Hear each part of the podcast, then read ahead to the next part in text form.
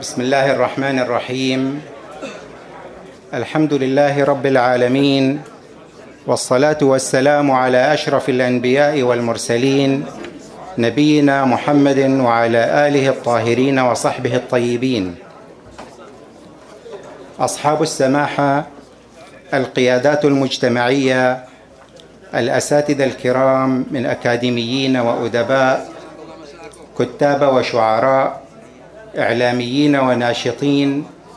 كافة الحضور العزيز السلام عليكم جميعا ورحمة الله وبركاته. باسم منتدى الثلاثاء الثقافي أحييكم وأرحب بكم في هذا اللقاء الجميل المبارك وفي هذه الاحتفالية السنوية التي يقيمها المنتدى في كل عام ليتوج فيها شخصية وطنية بوسام التكريم يشاركه فيها أطياف المجتمع وجمهوره. أيها السادة نحن الليلة جميعا في احتفاء لا يؤطره التمجيد فحسب وإن كان ذلك أصلا وواجبا. بيد أن السيرة الحافلة لشخصيتنا المحتفى بها هذا العام جديرة أن نسجل لها من هذا الحفل شهادة للتاريخ. لا سيما ونحن نشهد اليوم مناسبة تاريخية وملحمة وطنية هي ذكرى تأسيس الدولة الحديثة في وطننا الغالي المملكة العربية السعودية. وفخر لهذا المجتمع ممثلا بهذا المنتدى الرائد أن يحتفي بصناع المبادرات الفعلية التي تؤسس للمستقبل الناصع ابتداء من تأسيس الدولة الحديثة ووصولا إلى صناع مبادرات البناء الفكري والاجتماعي التي تتكامل مع متطلبات الدولة المعاصرة وتتواءم مع تطور الوعي العام. حضورنا الكريم إن من دواعي وأهمية احتفاءنا بشخصية وإنجازات سماحة العلامة السيد علي السيد ناصر السلمان حفظه الله هو التعرف على آفاق هذه التجربة التي ضمت إلى جانب البعد العلمي الديني المتخصص الدور الوطني الذي اتسم بالمواقف البناءة الداعمة للحفاظ على السلم الأهلي وتماسك النسيج الوطني. كما لم تنأ عن المشاركة المجتمعية بأجلى صورها في دعم العديد من المشاريع ذات النفع الاجتماعي العام إضافة إلى الدور التواصلي بين مختلف الفئات والمكونات الاجتماعية. بإذن الله أيها الإخوة سيكون برنامجنا هذه الليلة مفعما بالفائدة إن شاء الله للتعرف على تفاصيل هذه البوتقة الرحبة والتجربة التفاعلية من خلال خمس مشاركات يقدمها قامات علمائية فكرية واجتماعية وأدبية على معرفة قريبة بالدور الهام الذي يمثله صاحب السيرة العطرة سماحة السيد علي السلمان. بداية أيها الإخوة نعطر افتتاحية هذا اللقاء بآيات من الذكر المبارك يتفضل بتلاوتها القارئ المعروف الأستاذ زهير القصاب فليتفضل. عينا يشرب بها عباد الله يفجرونها تفجيرا.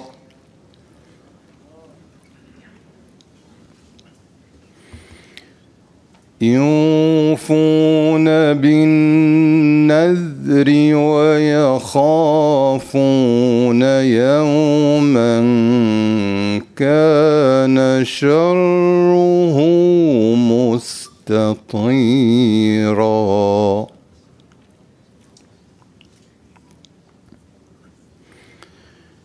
ويطعمون الطعام على حب به مسكينا ويتيما وأسيرا.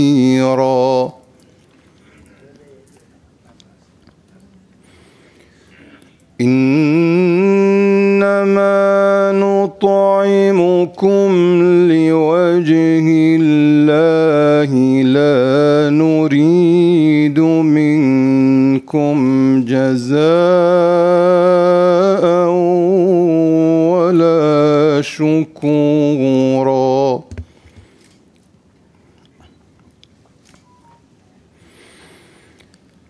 إنا نخاف من ربنا يوما عبوسا قمطريرا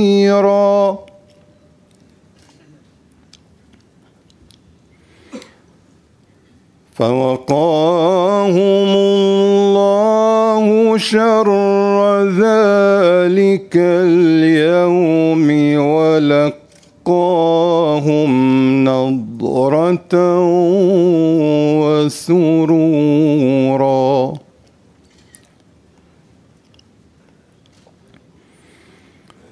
وجزاهم بما صبروا جنة وحريرا.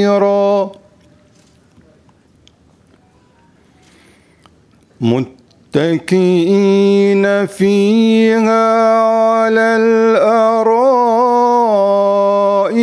لا يرون فيها شمسا ولا زمهريرا.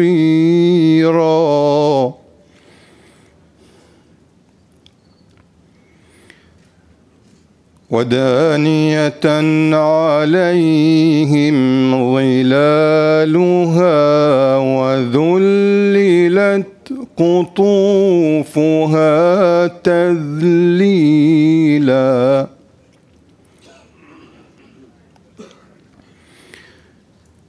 ويطاف عليهم بآنية من فضة وأكواب كانت قواريرا.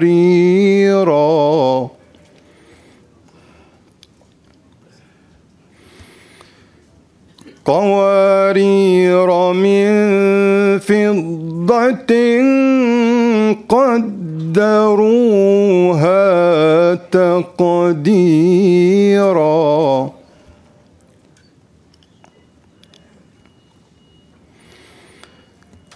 ويسقون فيها كأسا كان مزاجها زنجبيلا عينا فيها تسمى سلسبيلا.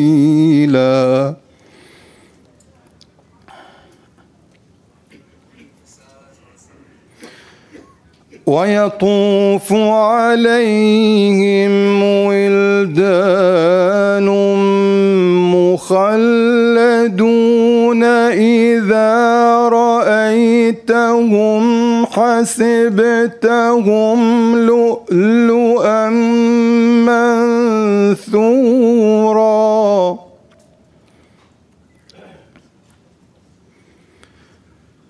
وإذا رأيت ثم رأيت نعيما وملكا كبيرا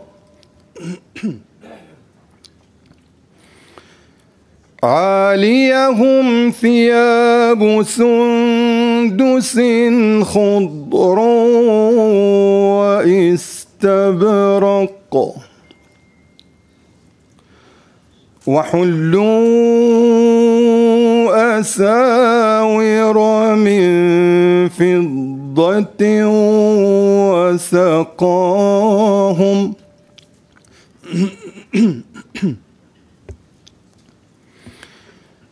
وحلوا أساور من فضة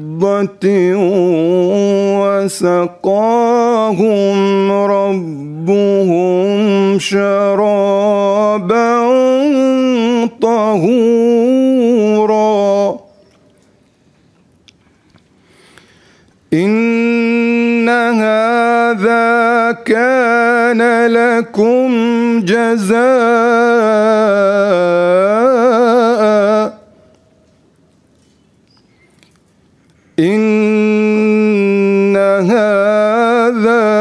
كان لكم جزاء وكان سعيكم مشكورا. صدق الله العلي العظيم. اللهم صل وسلم وزد وبارك على رسول الله وآله الأطهار. شكرا لهذه الحنجرة الإيمانية على هذه التلاوة العطرة. آه، مجددا آه، أرحب بكافة الحضور من داخل المحافظة وخارجها ويتفضل ممثل أو المشرف العام لمنتدى الثلاثاء الثقافي المهندس الأستاذ جعفر الشايب لإلقاء كلمة المنتدى فليتفضل. بسم الله الرحمن الرحيم. والصلاة والسلام على أشرف الأنبياء والمرسلين وعلى أهل بيته الطيبين الطاهرين وصحبه المنتجبين. والسلام عليكم جميعا أيها الحفل الكريم ورحمة الله وبركاته. بداية أتقدم بجزيل الشكر والامتنان لسماحة العلامة السيد علي السيد ناصر السلمان حفظه الله ورعاه على قبوله لإقامة هذا الحفل التكريمي الذي أعددنا له قبل سنتين. ولكن الظروف والاحترازات الصحية حالت دون إقامته في الفترة الماضية. ونحمد الله أن تمكنا في هذا المساء المبارك لنحتفل سويا بتكريم علم من أعلام المنطقة والوطن علما وعطاء وتسامحا وتواضعا. كما أشكركم جميعا فردا فردا. على حضوركم ومشاركتكم لنا في هذا اللقاء البهيج والمثمر رغم بعد المسافات ومشقة السفر على كثير منكم. أيها الإخوة الفضلاء، يحتفل وطننا في هذا اليوم بمناسبة يوم التأسيس الذي يعد مناسبة وطنية للاعتزاز بالجذور الراسخة للدولة السعودية واستذكار تأسيسها منذ أكثر من منذ أكثر من ثلاثة قرون. ونبارك لقيادتنا ولجميع أبناء الوطن هذه المناسبة سائلين المولى عز وجل أن يحفظ ما تحقق في بلادنا من وحدة وأمن واستقرار وأن يوفقنا جميعا لنكون يدا واحدة من أجل الاستمرار في البناء والتقدم والتنمية لا شك أيها الحفل الكريم إن تكريم الرواد وذوي البذل والعطاء في مختلف المجالات هو نهج حضاري مطلوب من أجل إبراز القيم الكبرى التي سعوا من أجلها والمثل العليا التي سطروها لتكون حاضرة وبارزة أمام جميع أفراد المجتمع كي يتخذوا منها نموذجا للعمل ومنهاجا للحياة. وصاحب هذا الحفل والمكرم فيه هو شخصية بارزة عرف عنها البذل والعطاء وامتلاك صفات التسامح ومواجهة التحديات بصبر والتؤدة وحكمة وبصيرة. وهذا ما سيتناوله بالتفصيل المتحدثون في هذا الحفل المبارك الذين أتقدم لهم نيابة عنكم بكل الشكر والتقدير على مشاركتهم. إن هذا النهج الذي دأب عليه منتدى الثلاثاء الثقافي طوال مواسمه الماضية في تكريم الشخصيات الفكرية والثقافية والاجتماعية وإبراز وطرح تجاربها للنقاش والحوار هو ما يثري المشهد الثقافي ويعزز التحولات الاجتماعية ايجابيا. فقد كرم المنتدى طوال مواسمه الإحدى والعشرين السابقة تسعة عشر شخصية وطنية من مختلف مناطق المملكة. قد قدمت مبادرات ناجزة وتجارب ثرية في مجالات مختلفة كالفكر والثقافة والأدب وخدمة المجتمع والتاريخ والفنون. وأصدر المنتدى مجموعة من الكتب تخص مناسبات التكريم هذه ضمن سلسلة تحت عنوان من أعلام الوطن.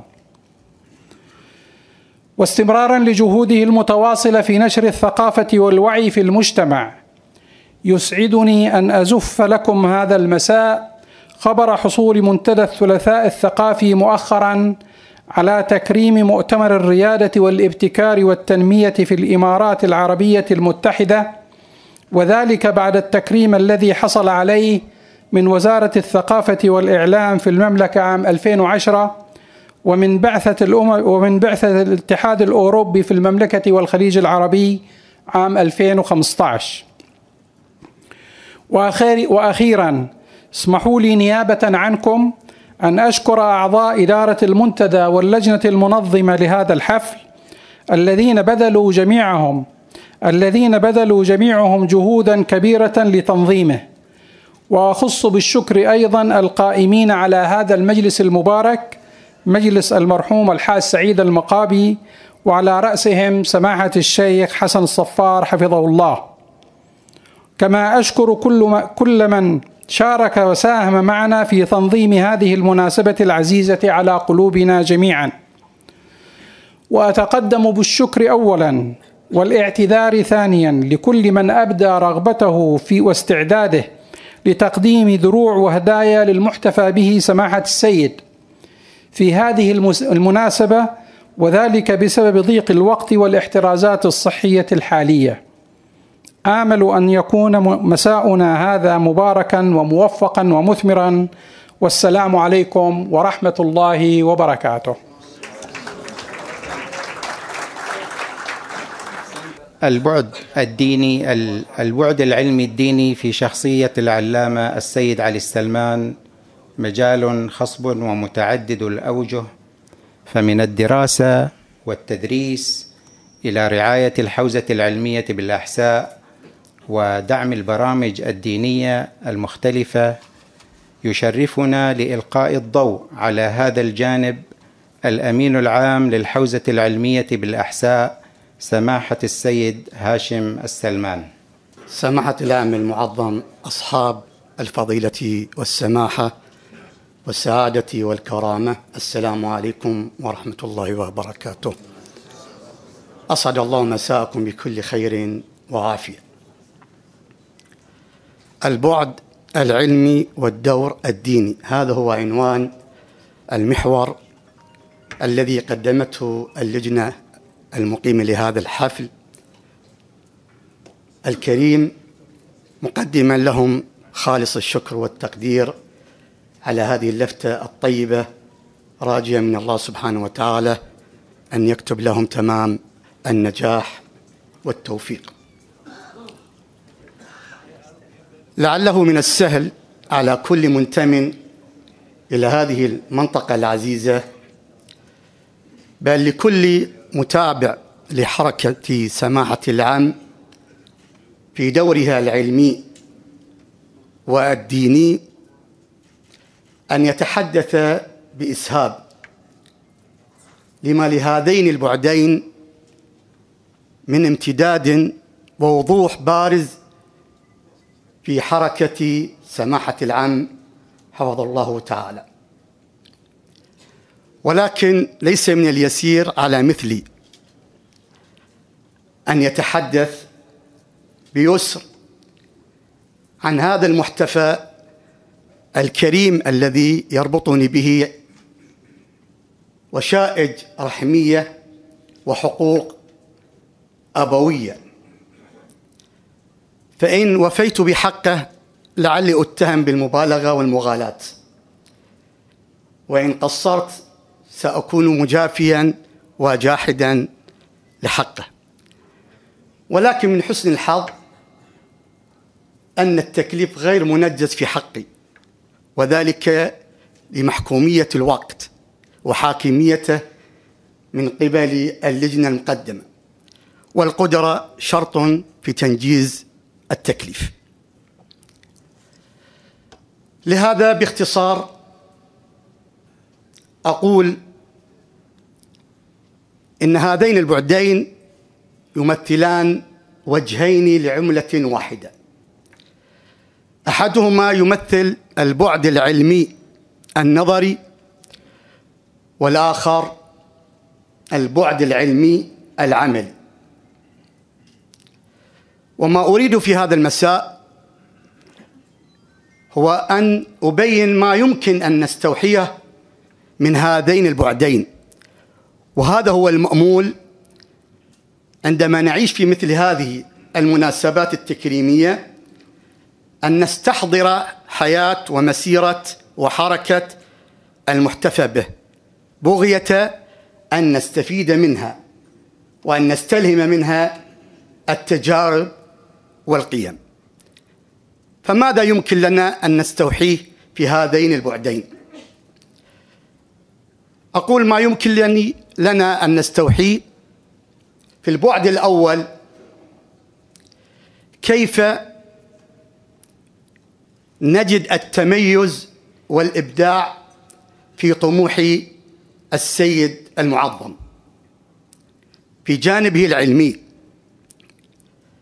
وفي الجانب الآخر نقف على عظم التضحية والكفاح الذي قدمه سماحة العم في مجال العمل التبليغي.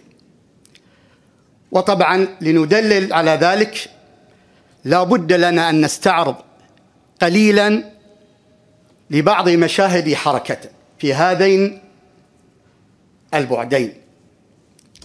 أما البعد الأول العملي فإن سماحة العام حفظه الله تعالى كانت له خيارات متعددة لبناء مستقبله. ولكن أراد أن يكون متميزا. قل هل يستوي الذين يعلمون والذين لا يعلمون؟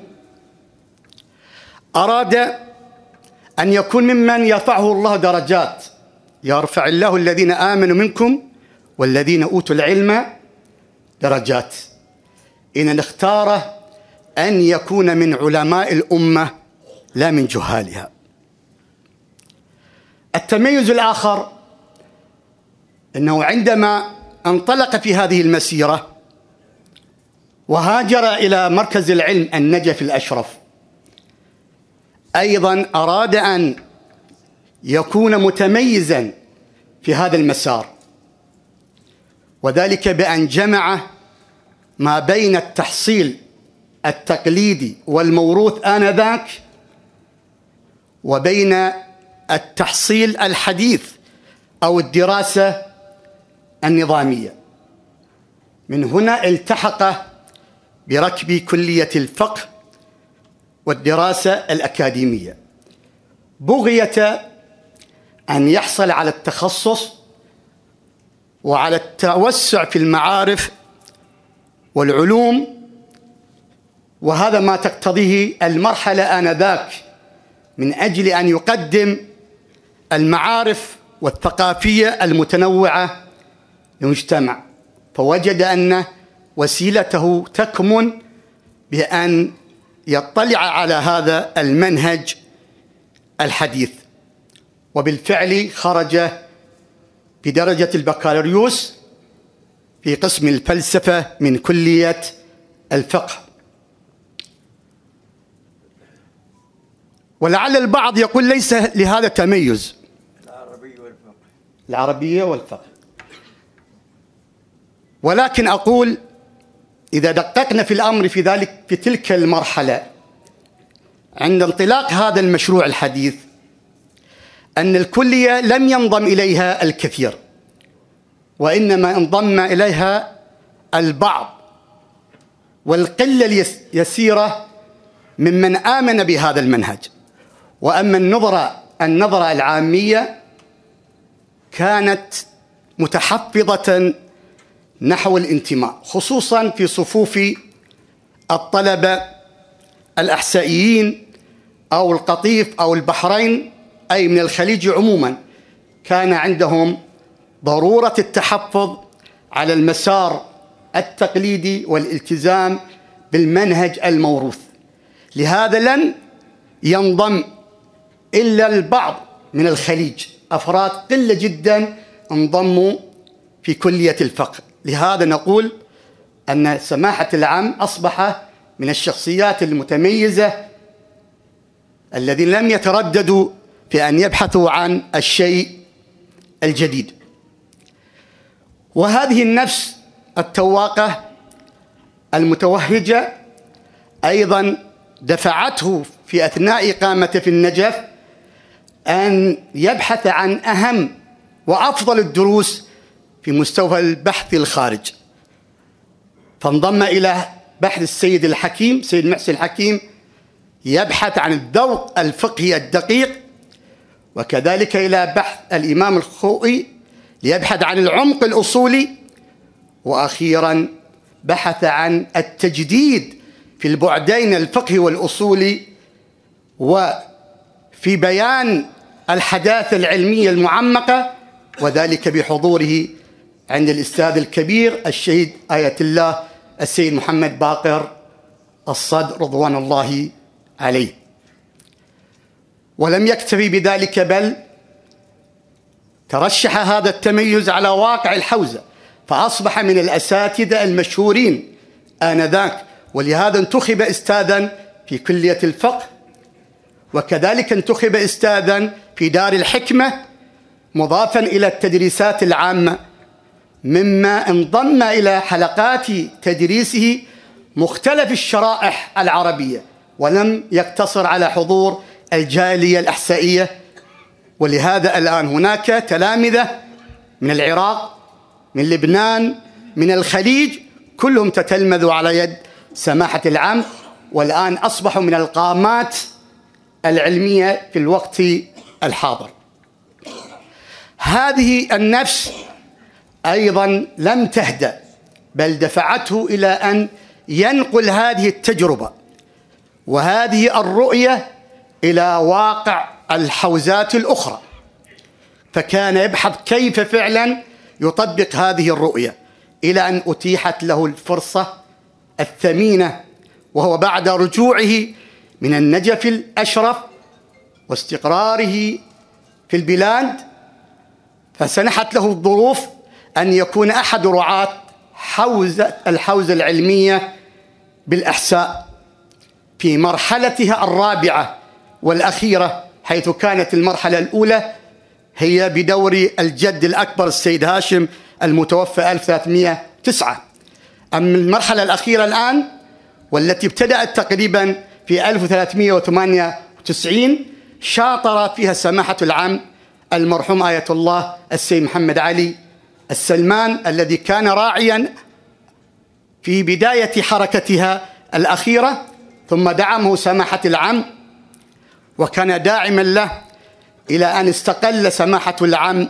بإدارة الحوزة العلمية عندما انتقلت الحوزة العلمية إلى المقر الجديد بحي النزهة. هذا المقر الذي سعى في بنائه وتشييده على أرض تقارب 3500 متر مجهزة بكل الخدمات العلمية والمرافق المكانية التي تتناسب مع الدراسة الحديثة وكذلك أيضا قدم رؤيته التي كان يطمح في أن يجسدها في الواقع العملي وذلك من خلال تأسيس مجلس أعلى يرأسه حفظه الله بعضوية العديد من الفضلاء.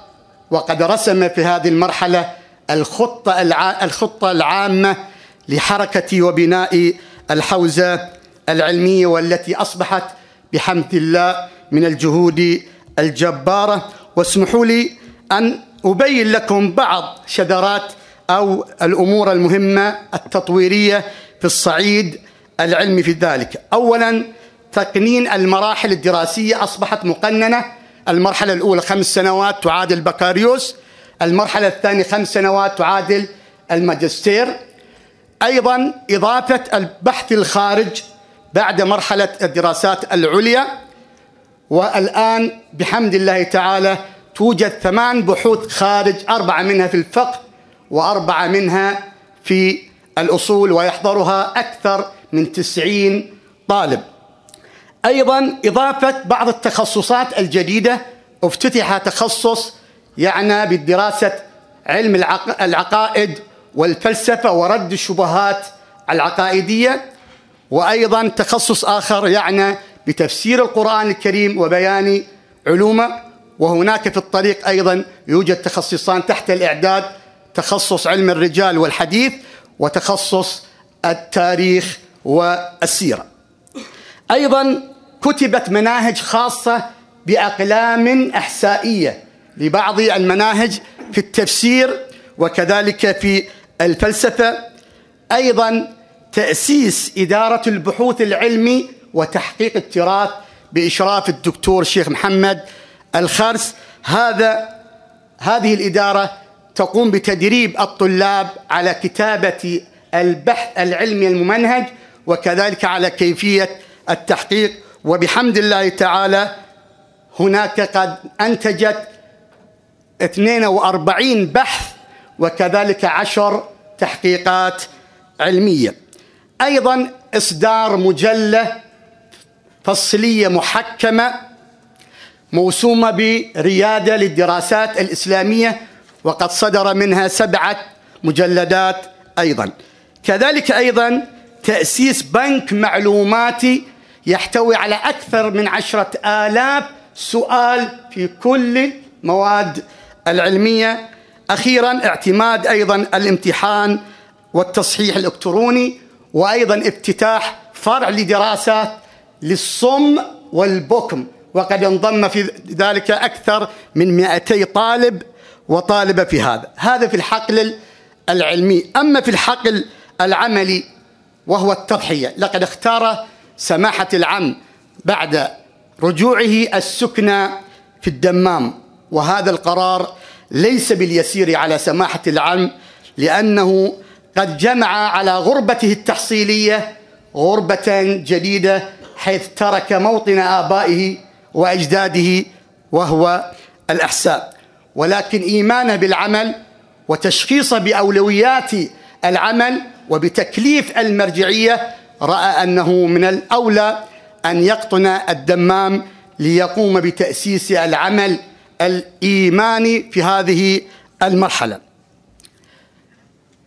ولهذا العم ترك هذا الأحساء وبقي في الدمام هذا البلد الناشئ الجديد والذي كان يقوده بمفرده في ذلك الوقت لا يوجد من يعينه.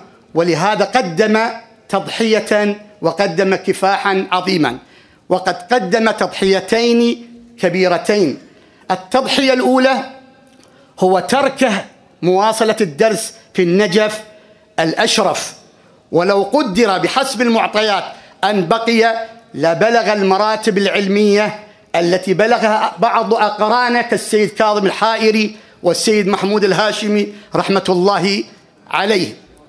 التضحية الثانية هو تركه لبلاده وبقائه في الدم متحملا لأعباء العمل والتأسيس من جديد حيث أن هذه المنطقة لم تحظى باستقرار رجل من وعالم من العلماء فيها وإنما كان وجودهم مؤقتا إلى أن حظوا برجل ذي رأي حكيم وعنده اتساع في المعارف وعنده حكمة في المواقف وعنده إلمام بالمسائل فتح باب بيته طوال العام يوميا يستقبل فيه المؤمنين يجيبهم على مسائلهم يحل مشاكلهم يجري عقود الأنكحة ويحاسبهم الماليات.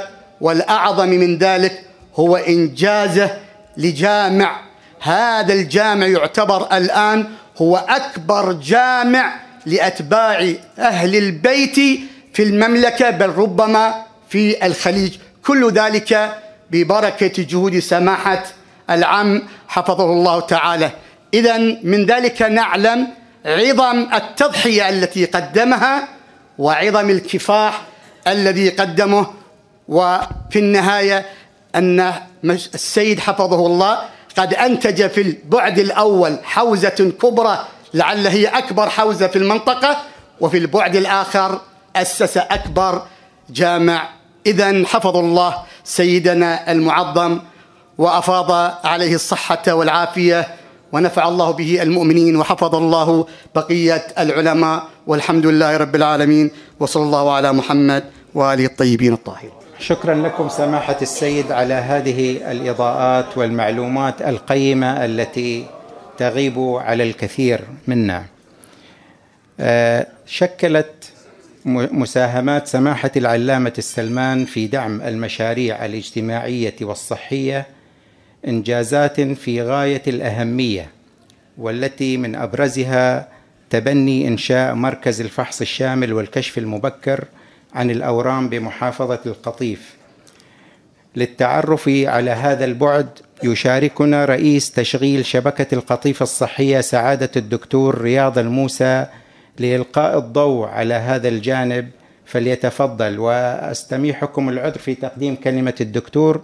لأنه على موعد إلى السفر. سماحة الوالد العلامة السيد علي السلمان سماحة السادة العلماء والفضلاء سماحة الأخوة الأدباء والشعراء أيها الضيوف الأكارم أيها الحفل الكريم. السلام عليكم ورحمة الله وبركاته. اسمحوا لي في البدء أن أقدم اعتذاري عن تهوري وجرأتي بالمشاركة في مثل هذا المحفل الكبير بوجود عدد من المتحدثين هم ملوك وأساطين للمنبر وللميكروفون بالإضافة إلى عدد أيضا من الحضور الكريم الذين لهم باع كبير في الخطابة. وكما تعلمون الأطباء يعني كخطهم إلا ما رحم ربي. فاسمحوا لي بذلك. وأيضا لم آه، أشارك بكلمة مكتوبة لرغبتي بالارتجال وفي نفس الوقت لأجدها عذرا لي في حال لم توفي المحتفى به حقه. بهذه المناسبة الكريمة وبحضور سماحة العلامة وبحضور هذه آه، العلماء والسادة الأفاضل بهذا اليوم الكريم يوم التأسيس لهذا الوطن الغالي والذي زاد وشرف هذا الحفل إضاءة ونورا. خادم الحرمين الشريفين في أحد أقواله المأثورة والخالدة يقول هدفي أن تكون بلادنا نموذجا ناجحا ورائدا في كافة المجالات. وكما تعلمون القطاع الصحي والقطاع التعليمي حظي خلال السنوات المديدة لهذا الوطن المعطاء بالكثير بالكثير من العطاء والاهتمام الكبيرين. في كافة محافظات ومناطق المملكة. ومن ضمن المحافظات التي حظيت بهذا الاهتمام الكبير محافظة القطيف. وللدور البناء في تفعيل الشراكة المجتمعية بين الوطن والأفراد ومؤسسات المجتمع المدني وتماشيا مع الرؤية الحديثة تم إيجاد الكثير من الفرص التي تدعو إلى المشاركة المجتمعية. في قطيفنا الحبيب قبل سنوات كان هناك مبادرة لمشروع الدكتور السيهاتي والتي نراها الآن بجانب مستشفى القطيف المركزي تخدم الكثير من المرضى والمواطنين وفي القريب العاجل بمشيئة الله سيتم افتتاح آه، الدور العلوي لتقديم خدمات أكثر لعدد كبير من المرضى بمشيئة الله. سأختصر حديثي في دقائق معدودة للحديث عن تجربة الشراكة المجتمعية مع سماحة الوالد السيد علي السلمان والتي نتج عنها المشروع الكبير الذي تحدث عنه الأخ قبل قليل وأنا أعلم أن الكثير منكم يعرف الكثير عن تفاصيل هذا المشروع والذي أنتج أيضا مشروعا توأما لهذا المشروع بالتزامن مع مشروع مركز السيد السلمان بإضافة مركز إضافي وهو مركز صحي المجيدية كمكمل لهذا المشروع. فلن أتحدث عن التفاصيل التي تم تداولها تداولها في الصحف أو في المجالس السابقة. سأشارككم بضع لحظات كانت في خلال آه، العمل والتأسيس والتجهيز لهذا المشروع. تختصر ثلاث نقاط مرتبطة بسماحة السيد وهي سهولة المعاملة وروح المبادرة وتواضع وتواضع القائد في التعامل. للمبادرة بجانب هذا المجلس الكريم وبدعوة من سماحة الشيخ حسن الصفار قبل ما يقارب الثلاث سنوات وبحضور سماحة العلامة السيد علي السلمان أعلن السيد رغبته في عمل مشروع يخدم أهالي المنطقة ويقدم خدمات جليلة للقطاع الصحي. وما هي إلا أسابيع قليلة. وذهبنا لسماحة السيد وفي لقاء لم يتجاوز الدقائق. تم شرح المشروع لسماحة السيد وعرض المخططات والتي كانت في البداية فكرة ومبادرة بسيطة جدا لا تتجاوز الأربع مليون ريال لعمل مركز للفحص الشامل والكشف المبكر عن الأورام. وخلال العمل وهنا روح المبادرة. بادر السيد بالسؤال المتكرر عن عدد من يخدم وعدد المرضى والمستفيدين من هذا المشروع. وكيف يمكن زيادة المستفيدين ليخدم عدد عدد أكبر من المحافظة وخارج المحافظة؟ تطور المشروع ليشمل العديد من البرامج والمبادرات ليصل الآن إلى ما يقارب إنشاء المشروعين الأربعين مليون ريال. المشروع شمل اللهم صل على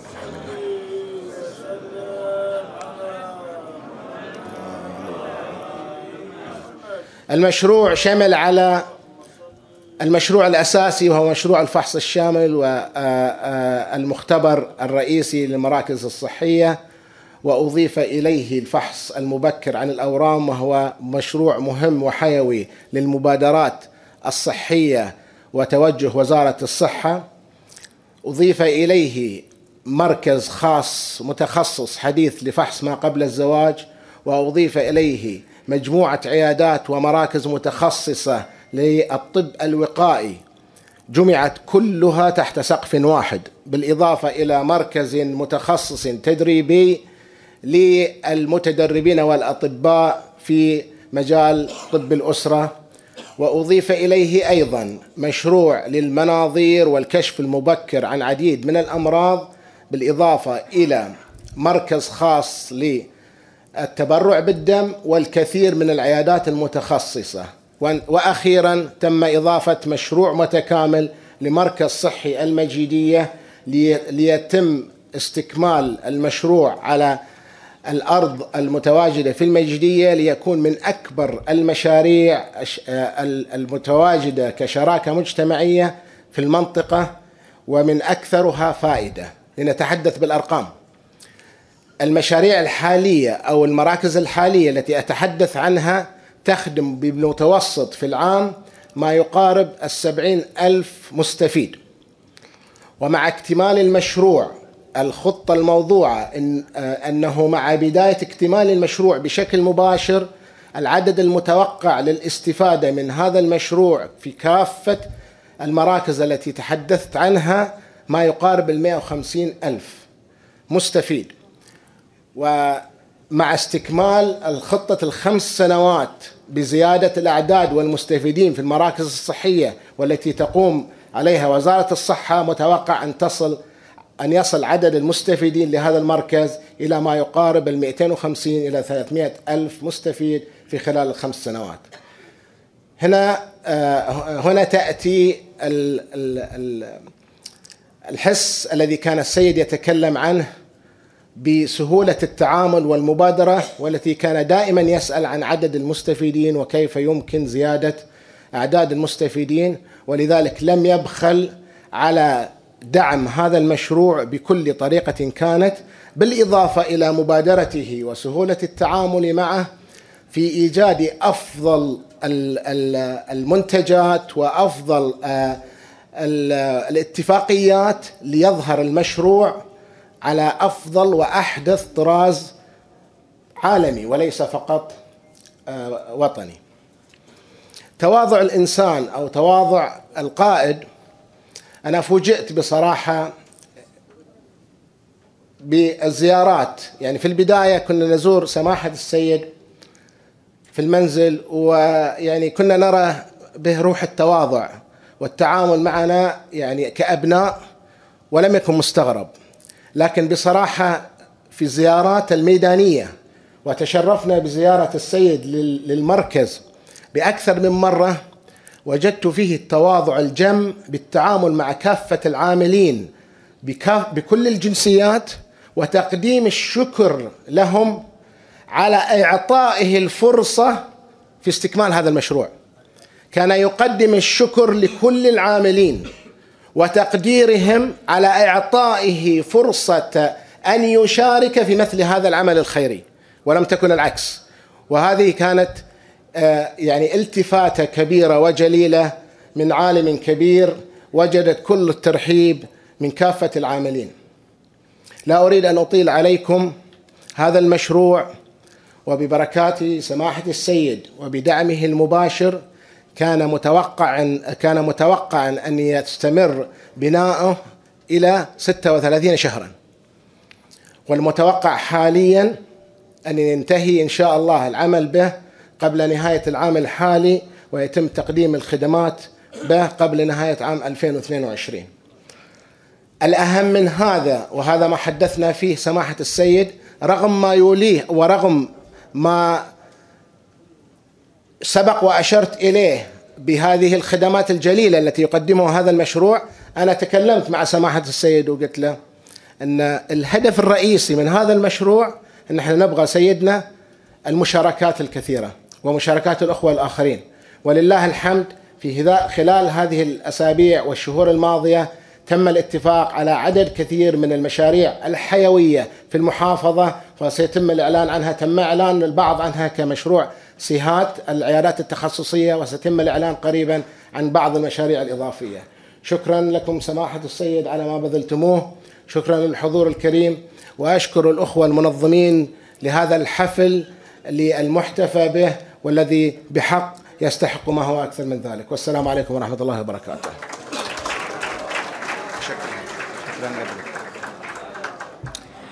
آه، شكرا دكتور رياض على هذه الإضاءات القيمة. نحن نعلم أن سماحة السيد قد آه، لا يرغب في عرض هذه المعلومات ولكنها من حقنا ومن حق هذا المجتمع أن يتعرف على هذه المبادرات العظيمة.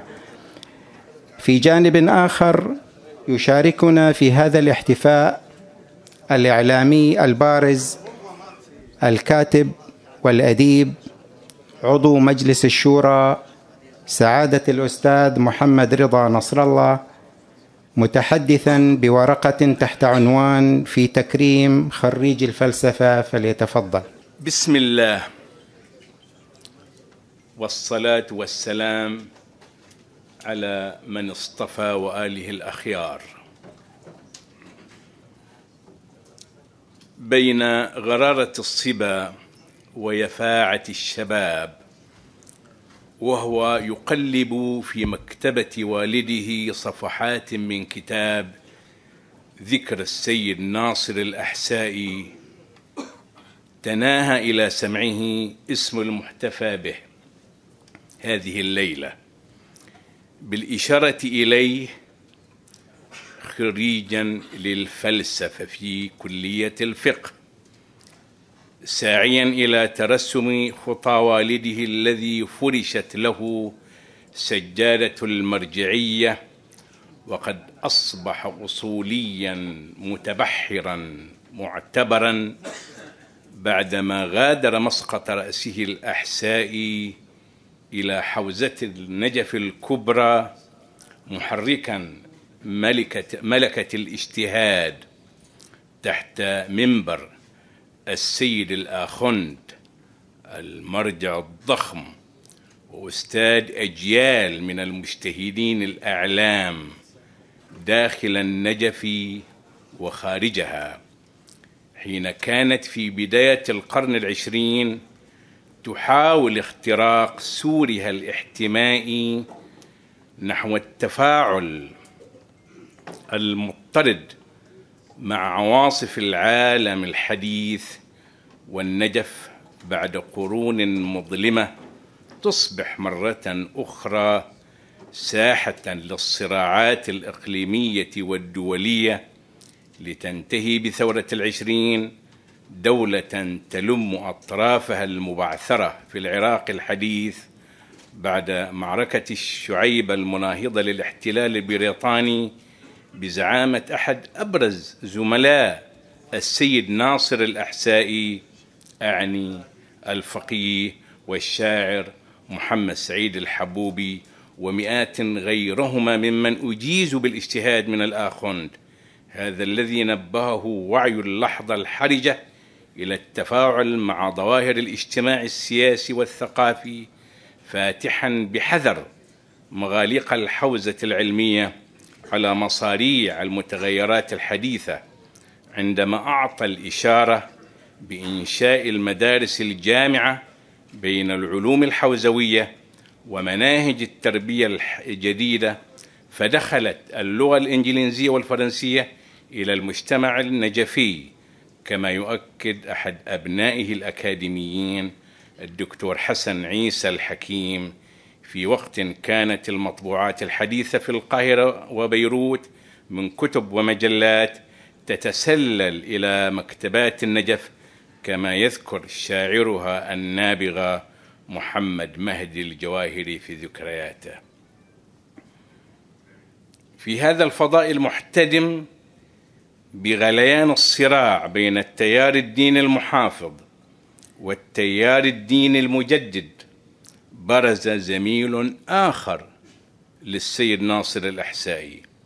هو الشيخ محمد حسين كاشف الغطاء حاثا الخطى نحو راية الإصلاح التي رفعها الشيخ ميرزا حسين النائني مرفرفة بأطروحته البارعة في الفقه السياسي منتصرا للمشروطة المقيدة بالدستور ضد المستبدة القاجارية والعثمانية المطلقة.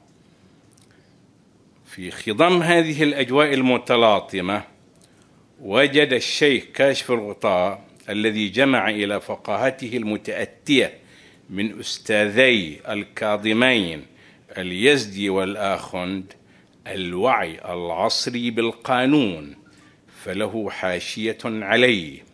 وكذلك كتابه تحرير المجلة في الأحكام الشرعية.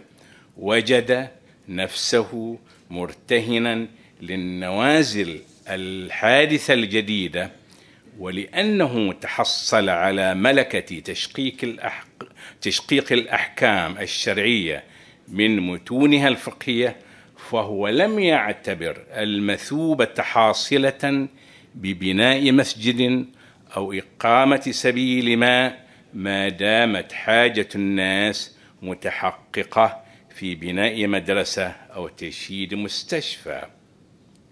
يذكر جعفر الخليلي في موسوعته السيرية هكذا عرفتهم أن الشيخ كاشف الغطاء شجع الأثرياء داخل النجف وأطرافها وامتداداتها لأن يبادروا إلى صرف حقوقهم الشرعية في بناء غرف في مصح حمانة اللبناني للأمراض الصدرية حيث كان يستشفي على أسرته وقت ذاك عراقيون وغير عراقيين منهم بعض قرباي. وكذلك حفز مقلديه على صرف حقوقهم الشرعية في إنشاء المدارس والمصحات. ما دامت هناك مساجد وأسبلة تفي بالحاجة فالزائد كالناقص كما يعبر مؤلف كتاب الدين والإسلام وأصل الشيعة وأصولها والمراجعات الريحانية والمثل العليا في الإسلام لا في بحمدون وغيرها.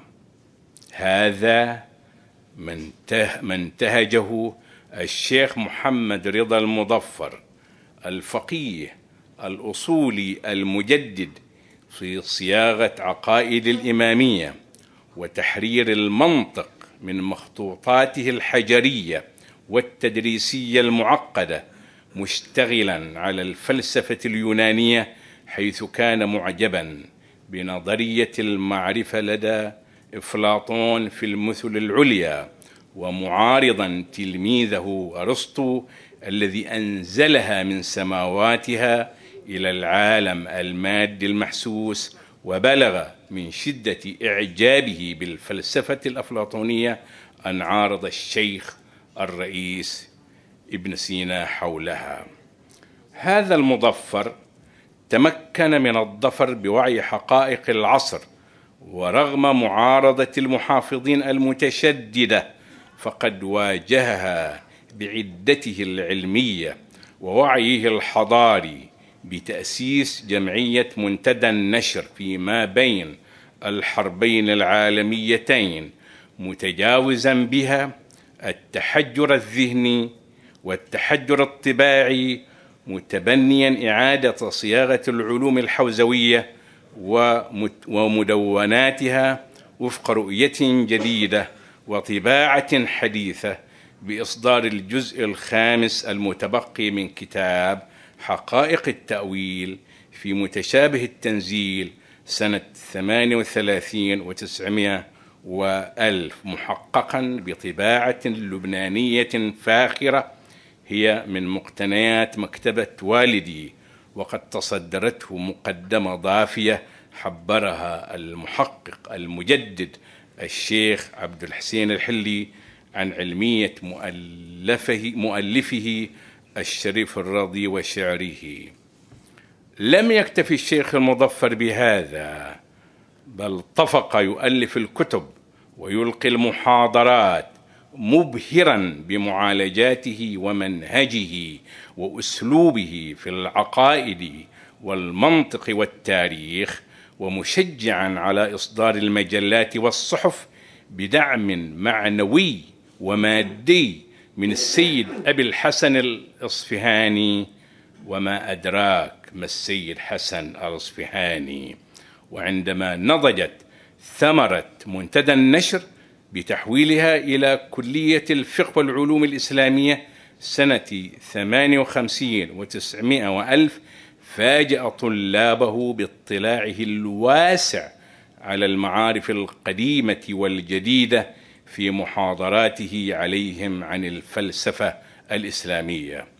لقد جمع في مناهج الكلية الأكاديمية بين العلوم الحوزوية في التفسير القرآني والفقه الاستدلالي وعلم أصول الفقه المقارن وبين مواد المناهج الحديثة في علوم النفس والاجتماع والفلسفة والأدب والمالية والاقتصاد إذ تناوب على التدريس فيها أساتذة أكفياء من الحوزة وأكاديميون بارزون في جامعة بغداد واتساقا مع وعي الشيخ المظفر الاستثنائي وموقفه الفكري الحر لم يتردد من الإقدام على ممارسة النقد الذاتي في كتابه آراء صريحه الذي ظل طي الكتمان في حياته لشدة جرأته في نقد التعصب الديني والانغلاق المذهبي مؤكدا بلياقة عالية على التعايش بين أتباع المذاهب الإسلامية ومعتنيا بتطوير المنبر الحسيني ليكون متجاوبا مع أسئلة مستمعيه العصرية وإشكالاتهم على تقليديته ومبالغاته حتى كاد ينشئ كلية متخصصة في تخريج خطباء عصريين لولا أن وأهد لولا أن وأدها وهي في المهد التيار المحافظ هذا الذي استمر وابل غضبه مصوبا نحو قلب الشيخ حتى آخر رمق من حياته الحافل بالإنجاز المؤسساتي والإبداع الفكري فقد ترك بعد رحيله المفاجئ رغم كل الصعاب والتحديات جيلا من خريجي كلية الفقه أصبحوا أساتذة لامعين في الفقه والأدب والفلسفة وضيفنا المحتفى به سماحة العلامة السيد علي السيد ناصر الأحسائي واحد من أولئك فهو خريج كلية الفقه في الفلسفة الإسلامية. فهل لهذا تمثل روحية أستاذه الإصلاحي؟ فلم يبق حديث الدرس.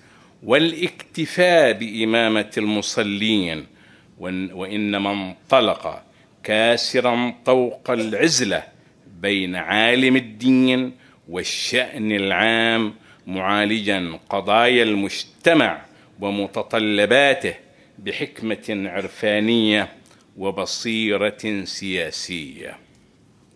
هذا ما لمسته في حوارات ومواقف مع سماحته.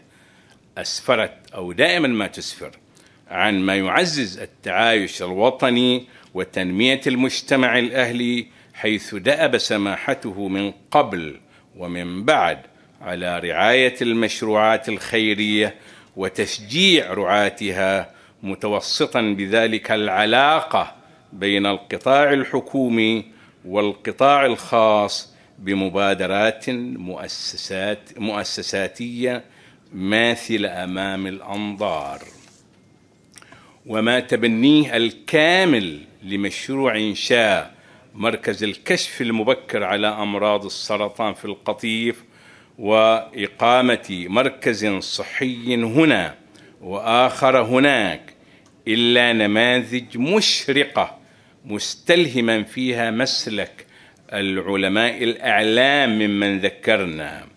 بتوظيف الحقوق الشرعية في إنشاء أقسام طبية ومراكز اجتماعية ماسة بحياة الناس وملبية متطلبات المجتمع.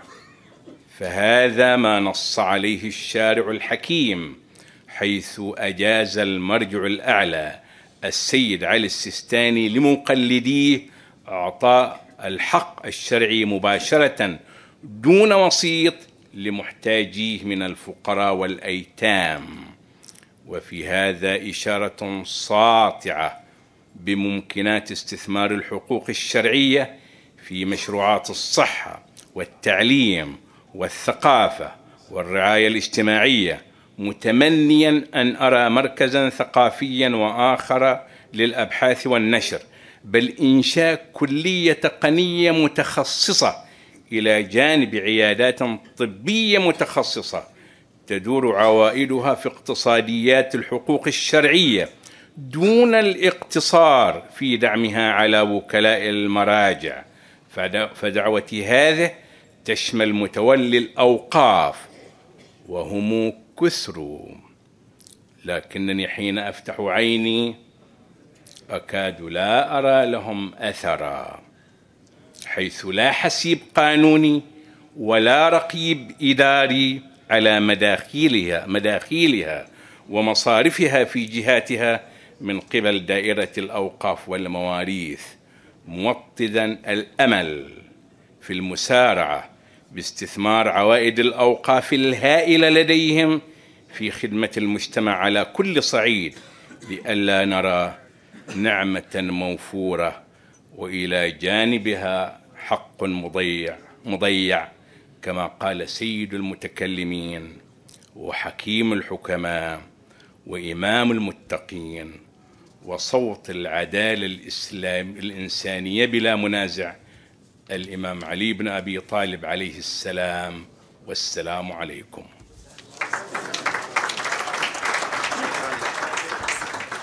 شكرا للأستاذ أبي فراس على هذه الكلمة التي نقلنا فيها إلى تفاعلات الأجيال الماضية وانعكاساتها على واقعنا المعاصر المتمثل في دور سماحة السيد العلامة السلمان. فشكرا له. أيها الإخوة الحضور دائما ما تكون الشخصيات الفاعلة ذات أبعاد ومضامين ملهمة في حياة الأمة. والأمة أيضا بحاجة للتعرف على تلك الأبعاد لتأخذ منها منهج التأسي والاقتداء. حول معالم من شخصية العلامة السلمان يتفضل سماحة الشيخ حسن الصفار لمقاربة هذا البعد الهام في شخصية المحتفى به. فليتفضل. سماحة السيد الأستاذ إخوتي العلماء السادة الحضور السلام عليكم جميعا ورحمة الله وبركاته. بسم الله الرحمن الرحيم. الحمد لله رب العالمين والصلاة والسلام على أشرف الأنبياء والمرسلين نبينا محمد وعلى آله الطاهرين وصحبه المنتجبين. ما أروع هذا اللقاء وما أجمل هذه الأمسية؟ إنها أمسية مباركة في يوم مبارك إن شاء الله. لا يتسع الوقت لحديث مفصل. وسأحاول أن أختصر حديثي. عنوان الموضوع السيد علي السلمان قراءة في المنهج. سيرة سماحة العلامة الأستاذ السيد علي السيد ناصر السلمان حفظه الله تمثل تجربة ثرية في مجال القيادة الدينية. ولست مبالغا.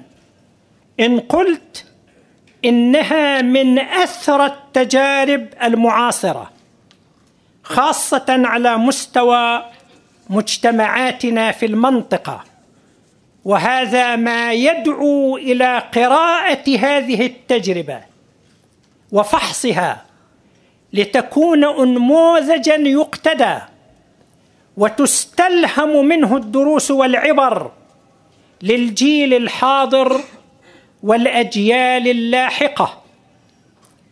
وسأتحدث هنا باختصار عن بعض معالم المنهج في هذه التجربة القيادية الثرية.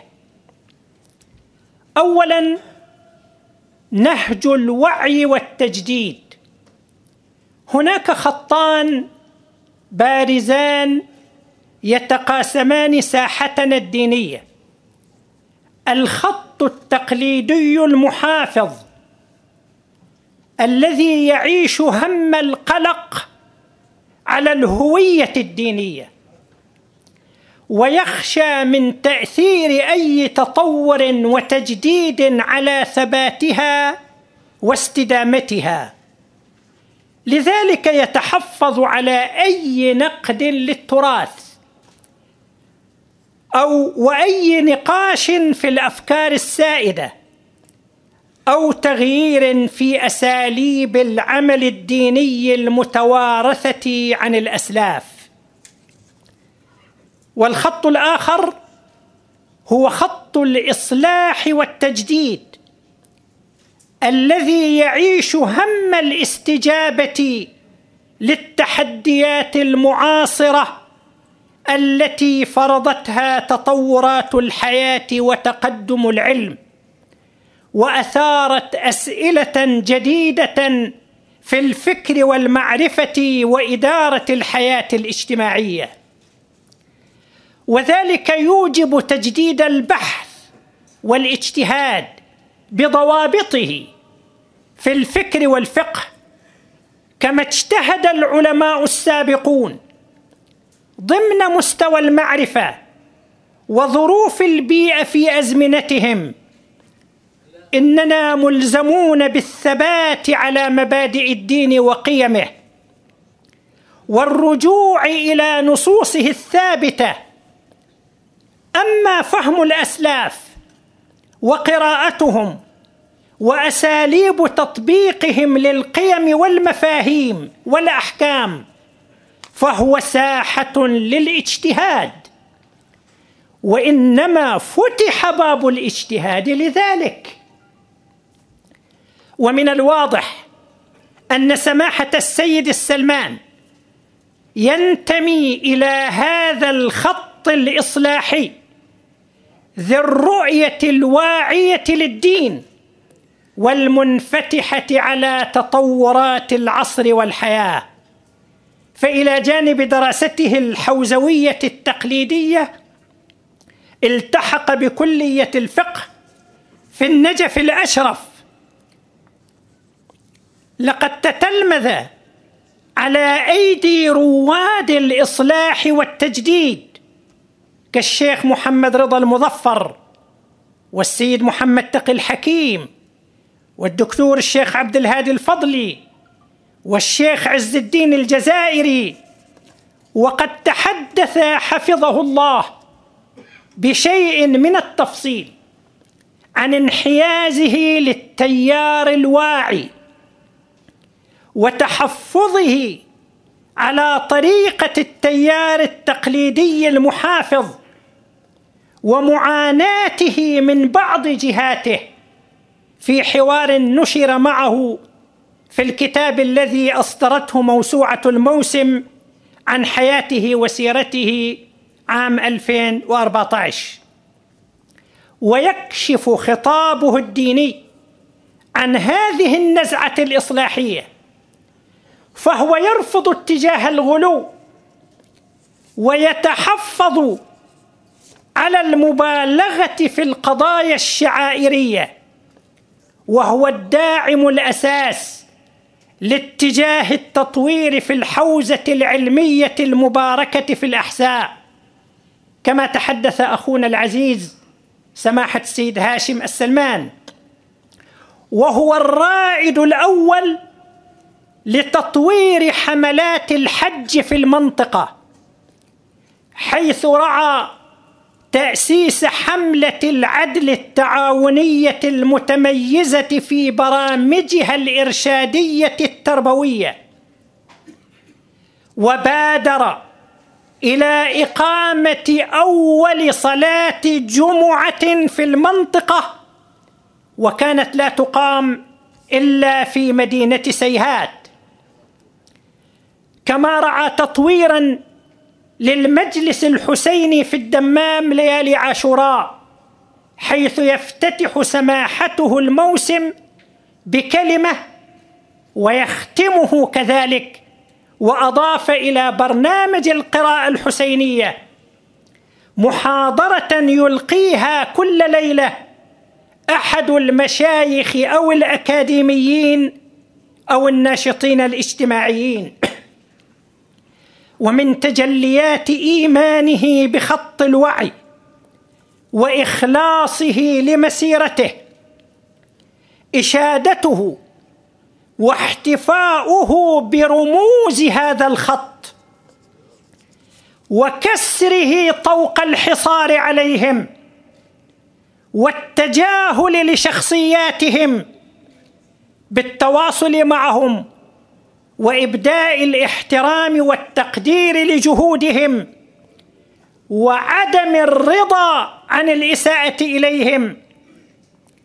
وإذا ما التحق أحد رموز الخط الإصلاحي بالرفيق الأعلى يبادر لتأبينه وإقامة العزاء لفقده رغم أن ذلك قد يثير عليه تحفظات بعض الجهات الدينية. هذا اولا خط الوعي والتجديد. ثانيا بين القيادة للجمهور والانقياد للجمهور. المهمة الأساس لعالم الدين إرشاد الناس وتوجيههم لما ينفعهم في أمور دينهم ودنياهم. فإذا ما اتضحت له الرؤية الشرعية وتشخص لديه الموقف المطلوب فإن عليه القيام بوظيفته في إرشاد الناس إليه بالحكمة والموعظة الحسنة.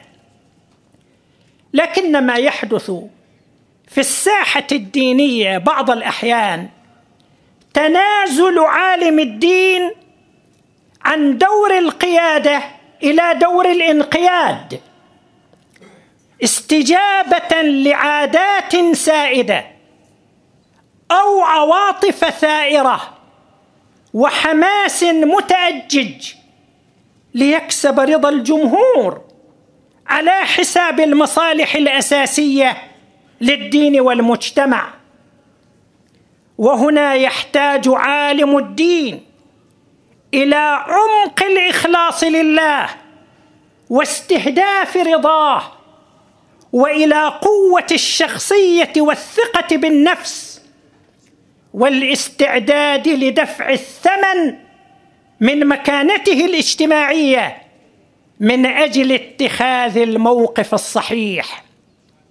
وقد ورد عن أمير المؤمنين علي بن أبي طالب عليه السلام أنه قال ما أعظم وزر من طلب رضا المخلوقين بسخط الخالق؟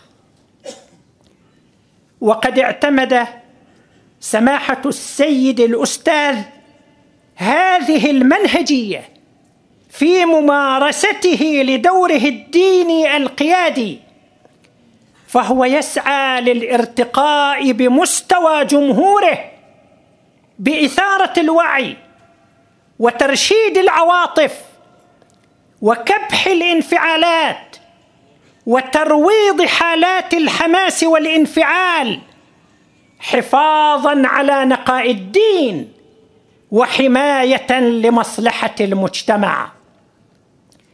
كان يدعو من حوله للصبر والتحمل والسعي عبر الطرق المناسبة ويحذر من عواقب الاندفاعات الطائشة ومواقفه تجاه ممارسات العنف والإرهاب في المنطقة جلية واضحة وهي محل إشادة وتقدير وطني عام.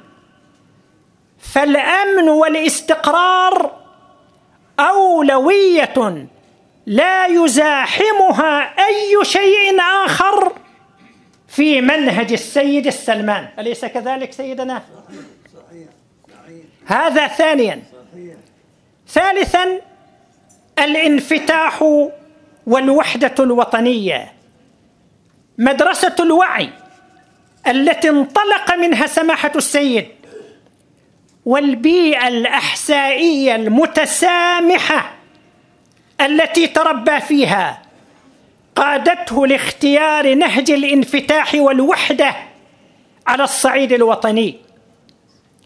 ورغم أنه قد واجه ظروفا صعبة في قيامه بمهماته الدينية حينما استقر في الدمام بسبب تحريض التيارات الطائفية التي عصفت بالمنطقة والوطن في عقود سابقة إلا أنه اعتصم بالوعي والحكمة. لم تستدرجه معارك الصراع الطائفي ولم تدفعه تلك الظروف إلى الانكفاء والانغلاق ولا للتشنج والانفعال والصدام. بل ظل داعية للوحدة والتقارب والوئام. يذكر جمهوره بسيرة أهل البيت. صلوات الله وسلامه عليهم وتعاليمهم الحسنة بحسن المجاورة والمعاشرة والمصاحبة. وكان سماحته مهتما بالتواصل مع أمارة المنطقة الشرقية ومسؤولي الدولة تعزيزا للولاء الوطني وتاكيدا على نهج الانفتاح والوحدة. ويجب علي أن أقول إني استفدت كثيرا من دعمه وتشجيعه للانخراط في هذا النهج. والاستمرار في مبادرات الانفتاح والحوار حيث كنت أستشيره وأستنير برأيه في مختلف المواقف والمبادرات فكان يبارك أي مبادرة إيجابية ويتفاعل معها كذهاب الوفود للقاء قيادات الدولة وزيارة المسؤولين.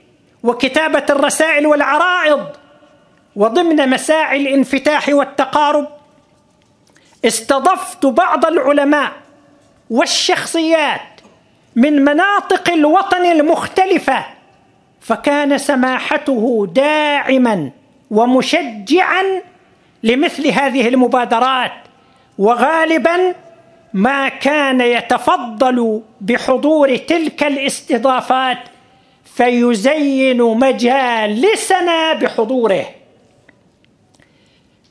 الموضوع الرابع والأخير تنمية المجتمع. هذه معالم منهج سماحة السيد في عمله الديني القيادي. تنمية المجتمع.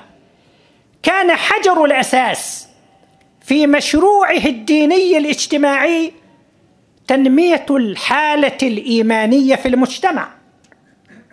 بترسيخ القناعات الفكرية العقدية وإقامة الشعائر الدينية ونشر الأخلاق الفاضلة. وهذا ما كان يسهم في تحقيقه سائر العلماء والخطباء بنسب متفاوتة.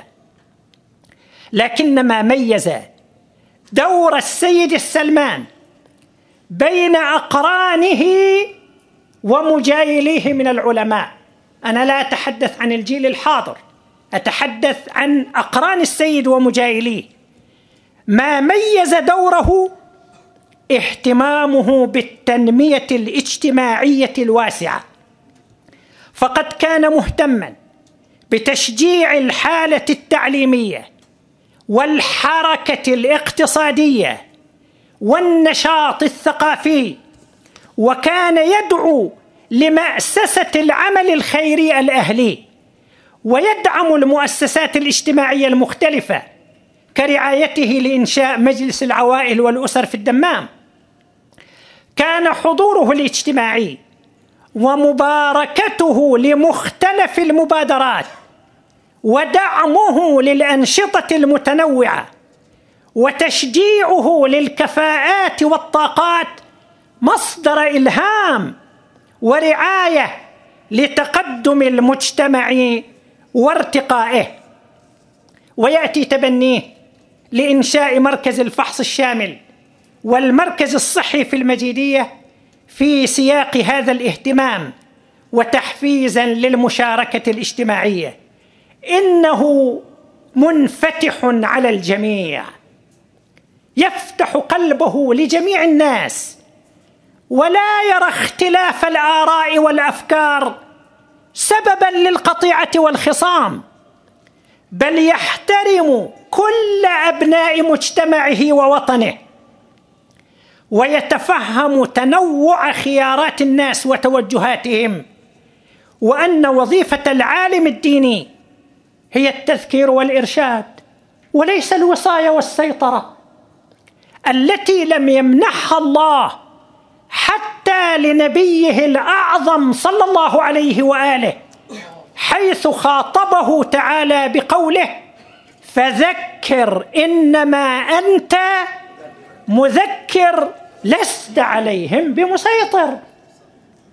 حقا إن وجوده نعمة كبيرة علينا في هذه المنطقة والوطن وهو رمز وعلم ومنار للوطن كله. حفظ الله سيدنا الأستاذ وأطال في عمره ومتعه بالصحة والعافية وحفظ جميع علمائنا الأعلام وحفظكم جميعا.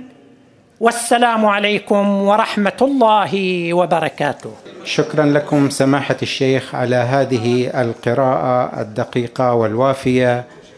في معالم شخصية سماحة العلامة المحتفى به السيد علي السلمان. أيها الإخوة في هذه الأمسية الثرية حول شخصية رجل العطاء لا مندوحة لنا عن واحة الشعر وأن لنا ذلك وبيننا في هذه العشية الوارفة مدوزن المعاني الرقراقة ومبدع الدهشة الشعرية المتدفقة. شاعرنا العربي الكبير الأخ الأستاذ جاسم محمد الصحيح. فاهلا وسهلا به على هذه المنصة وفي هذه الاحتفائية التاريخية ليصافحنا برائعته في هذه المناسبة. السلام عليكم ورحمة الله وبركاته.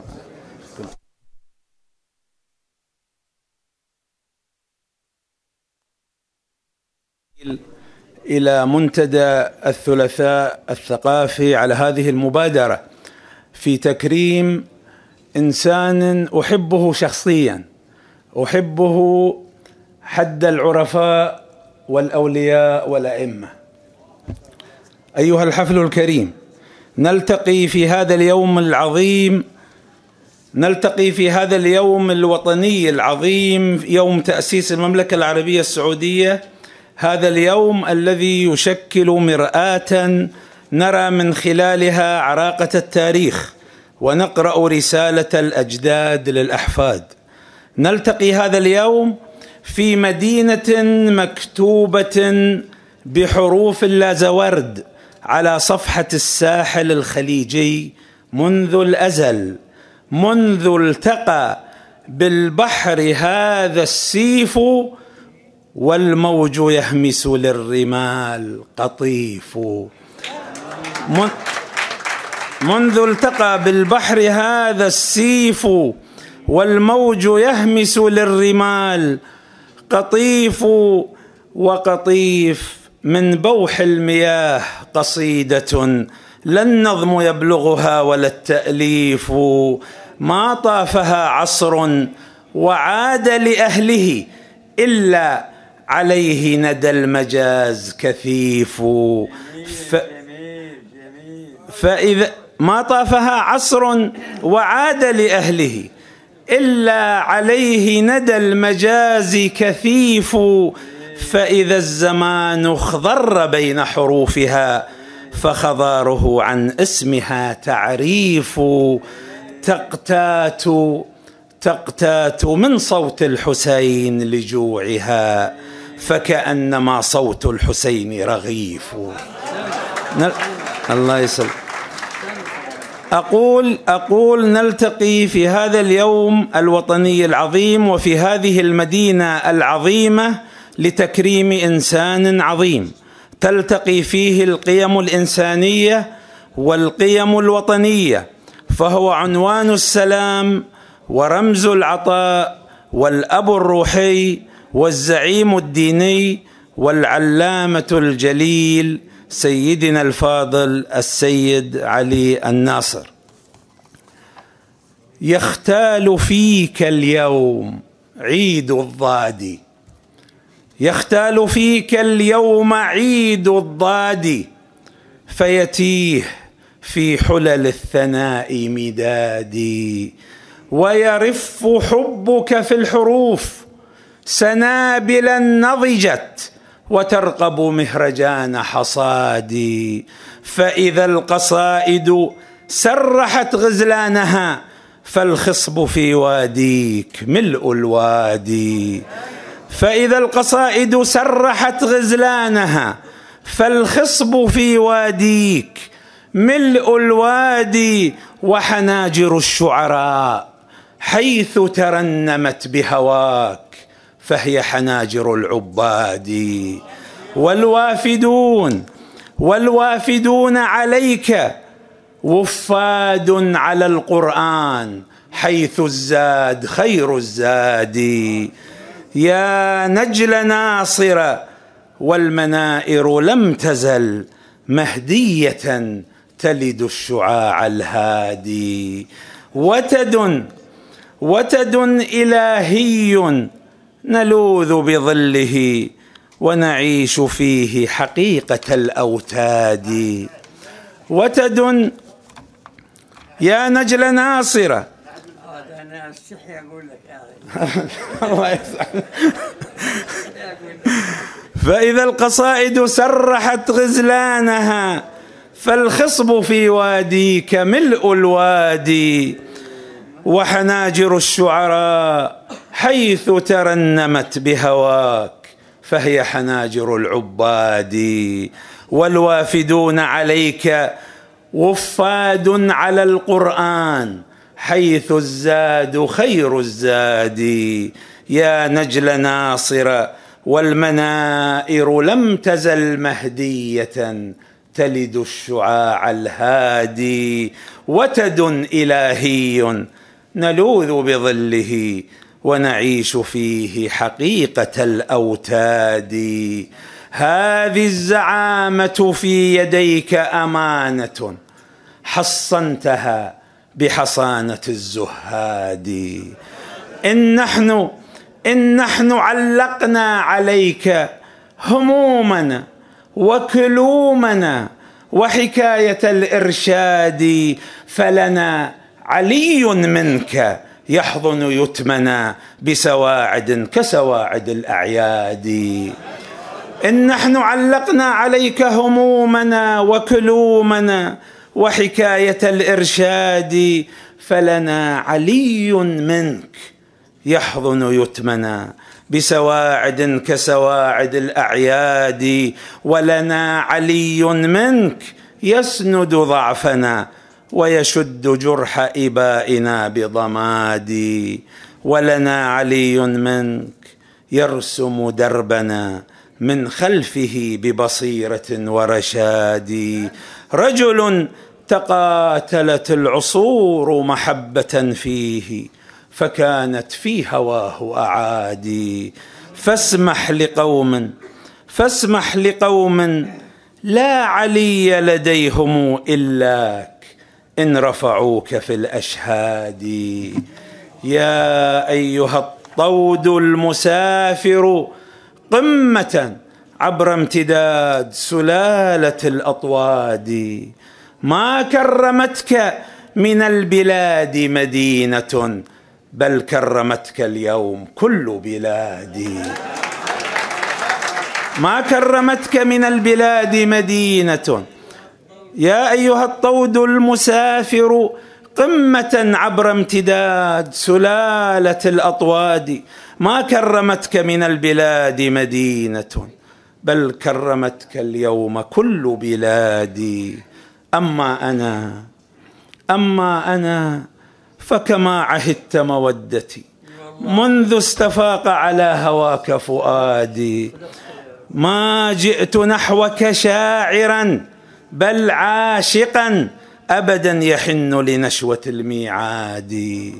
لست الذي يهواك عشق رتابة ويعيش فيك محبة المعتاد.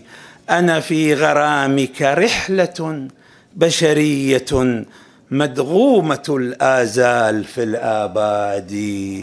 فأكاد أنا في غرامك رحلة بشرية مدغومة الآزال في الآباد فأكاد أسمع همس حبك نابضا في الأعظم النخرات من اجدادي وأرى وأرى وراء الغيب ألف سلالة تهفو إلى لقياك من أحفادي.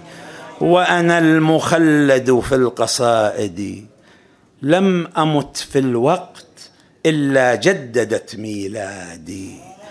أبدا بسوق الله أعمل تاجرا حرا وسوق الله دون كسادي الحب فيه بضاعتي ما مسها تلف ولا شيبت بطبع فسادي والشعر ثروتي التي أوقفتها لعمارة الأرواح في الأجساد. لم أؤت أجنحة الملائك إنما حاولت أن أنسل من أصفادي ألقيت في كف الوقار قيادي وتركت نار الطيش كوم رمادي. سيان إن بانت سعاد وحدها أو شاركتها البين ألف سعاد. لا بوركت في الحب صفقة عاشق يشري قطام بلعنة ابن مرادي حصنت قلبي حصنت قلبي أن يتبله الهوى إلا هواكم يا ابن طه الهادي. ما زال دعبل في صميم جوانحي قلبا يغذيني شعور ودادي وأهيم حين أرى الرضا يمتد لي من مقلتيك إلى شغاف فؤادي فأنا بكل هوى لآل محمد أفتض حنجرة من الإنشاد. والسلام عليكم ورحمة الله وبركاته. شكرا شكرا أستاذ جاسم على هذه الكلمات العذبة حقيقة. شكرا شكرا. شاعرنا الكبير جاسم الصحيح لم يقل شعرا بل نثر عسلا ذاب في أسماع هذا الحضور وهذا المجتمع. فشكرا لهذه الكلمات العذبة. أخوتي الأعزاء حضورنا الكريم نصل الآن إلى مسك ختامنا لهذا اللقاء التاريخي. وفي دقائقه الأخيرة نستمع للكلمة الأبوية لسماحة العلامة السيد علي السلمان. فحضروا قلوبكم لهذه الكلمة الطيبة. بسم الله الرحمن الرحيم. والصلاة والسلام على أشرف النبيين والسيد المرسلين أبي القاسم محمد بن عبد الله وعلى أهل بيته الطيبين الطاهرين وأصحابه الخيرين والسلام موصول أيضا لكم. أيها المحتفلون أيها الطيبون الذين قدموا ما لا نستحقه في الحقيقة. روعة هذه القصيدة تهزني وتملأ شعوري وقلبي ولا أكاد أذكر حرفا من حروفها وإيقاعا من إيقاعاتها إلا ونفسي تهيج وأكاد أن أبكي. أسأل الله سبحانه وتعالى الذي تفضل علي بهذا الشرف العظيم أن يجعلكم كلكم رفقاء تحت لواء الإمام الحجة القائم المنتظر. صلوات الله وسلامه عليه. وفي هذه الساعة المباركة التي يلتقي فيها بهذا التاريخ العظيم تاريخ تأسيس أول دولة لآل سعود في هذه في هذه البلاد وفي هذه الجزيرة وهي أيضا في هذا اليوم تحتفل بهذه الذكرى السعيدة. أتوجه بالشكر لكم جميعا. أولا أشكر الله سبحانه وتعالى اللطيف بعباده المتفضل الذي من علي بهذا الشرف الذي لا أستحقه ولكنها نعمة من الله. أسأل الله لها الدوام وأسأل الله أن يجعلني على هذا المستوى أخدمكم وأكون من أصغر خدامكم. لقد تفضلتم علي بهذا الشرف وهذا التكريم. فرعاكم الله وحفظكم الله. إننا في هذا اليوم وإن كنا نحتفل بهذه المناسبة إلى جانب تلك المناسبة. نسأل الله أن يديم هذه الدولة وأن يعطيها القوة والسلامة لتحافظ على هذه النعمة العظيمة الذي تفضل بها علينا ربنا وهي نعمة نعمة الأمن والأمان. كل ما ينمو في عالم الإنسان الحر المتقدم المتنور إنما ينمو من خلال هذه النعمة. عندما يبسط الله سبحانه وتعالى الأمن والأمان للعباد وعندما يتفضل عليهم بإعطاء القيادة لأشخاص يهمهم أن يخدمون الوطن ويخدمون الناس في هذا الحال تنمو كل الأمور التي يتحقق بها نجاح هذه الأمة. الأمة بعطاء الله سبحانه وتعالى لها بالثقافة والأمة بعطاء الله لها بالعلم والمعرفة والأمة بعطاء الله لها بالاقتصاد والتنور وكل الظهور والبروز. هذه النعمة إنما أنعم بها الله على عباده من خلال هذا الأمن. والله يمد في القادة الذين يحققون الأمن لمواطنيهم ويحقق لهم ما يرضيهم إن شاء الله في سلامة الوطن وسعادته. وإني أسأل الله سبحانه وتعالى اللطيف بعباده ألا ينسانا من فضله ومنه إنه متفضل علينا. وإني لا أشكركم جميعا وأشكر هذه الرموز وأشكر هذه العطايا وأشكر أصحاب هذه الكلمات وأشكر هذه النغمة العزيزة التي تؤثر في قلبي. يعلم الله أني أحبك يا أبا أحمد كما تحبني ويعلم الله أني أحبكم جميعا أيها الحضور كما تحبوني. ويعلم الله أني أتشرف بالحضور لخدمتكم كما أنتم شرفتموني بهذا التكريم. أسأل الله سبحانه وتعالى قبول عملكم وأن الله سبحانه وتعالى يتفضل علينا بالمنى الوافية. إن التاريخ يلزمنا أحيانا أن نتحدث أن نتحدث عما قد قدمه الإنسان حتى يبقى ذكرى حسنة. أنا أتمنى أشير إلى بعض الأشياء التي أجريتها ولكني أستحي من نفسي وأسأل الله سبحانه وتعالى لكم النجاح.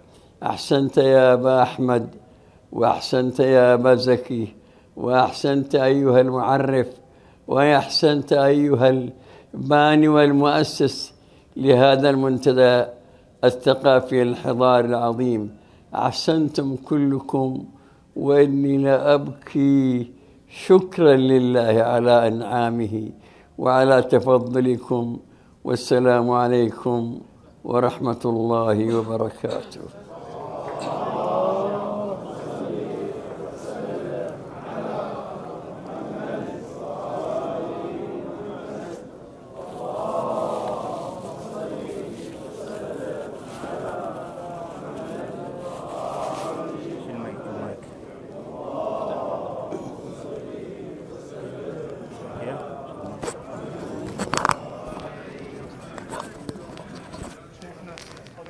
كل دعواتنا لكم سماحة السيد بالصحة الدائمة والتوفيق الدائم بقدر حبكم لهذا المجتمع. آه، شكرا لكم جميعا أيها الإخوة الحضور والشكر موصول للمتحدثين فردا فردا.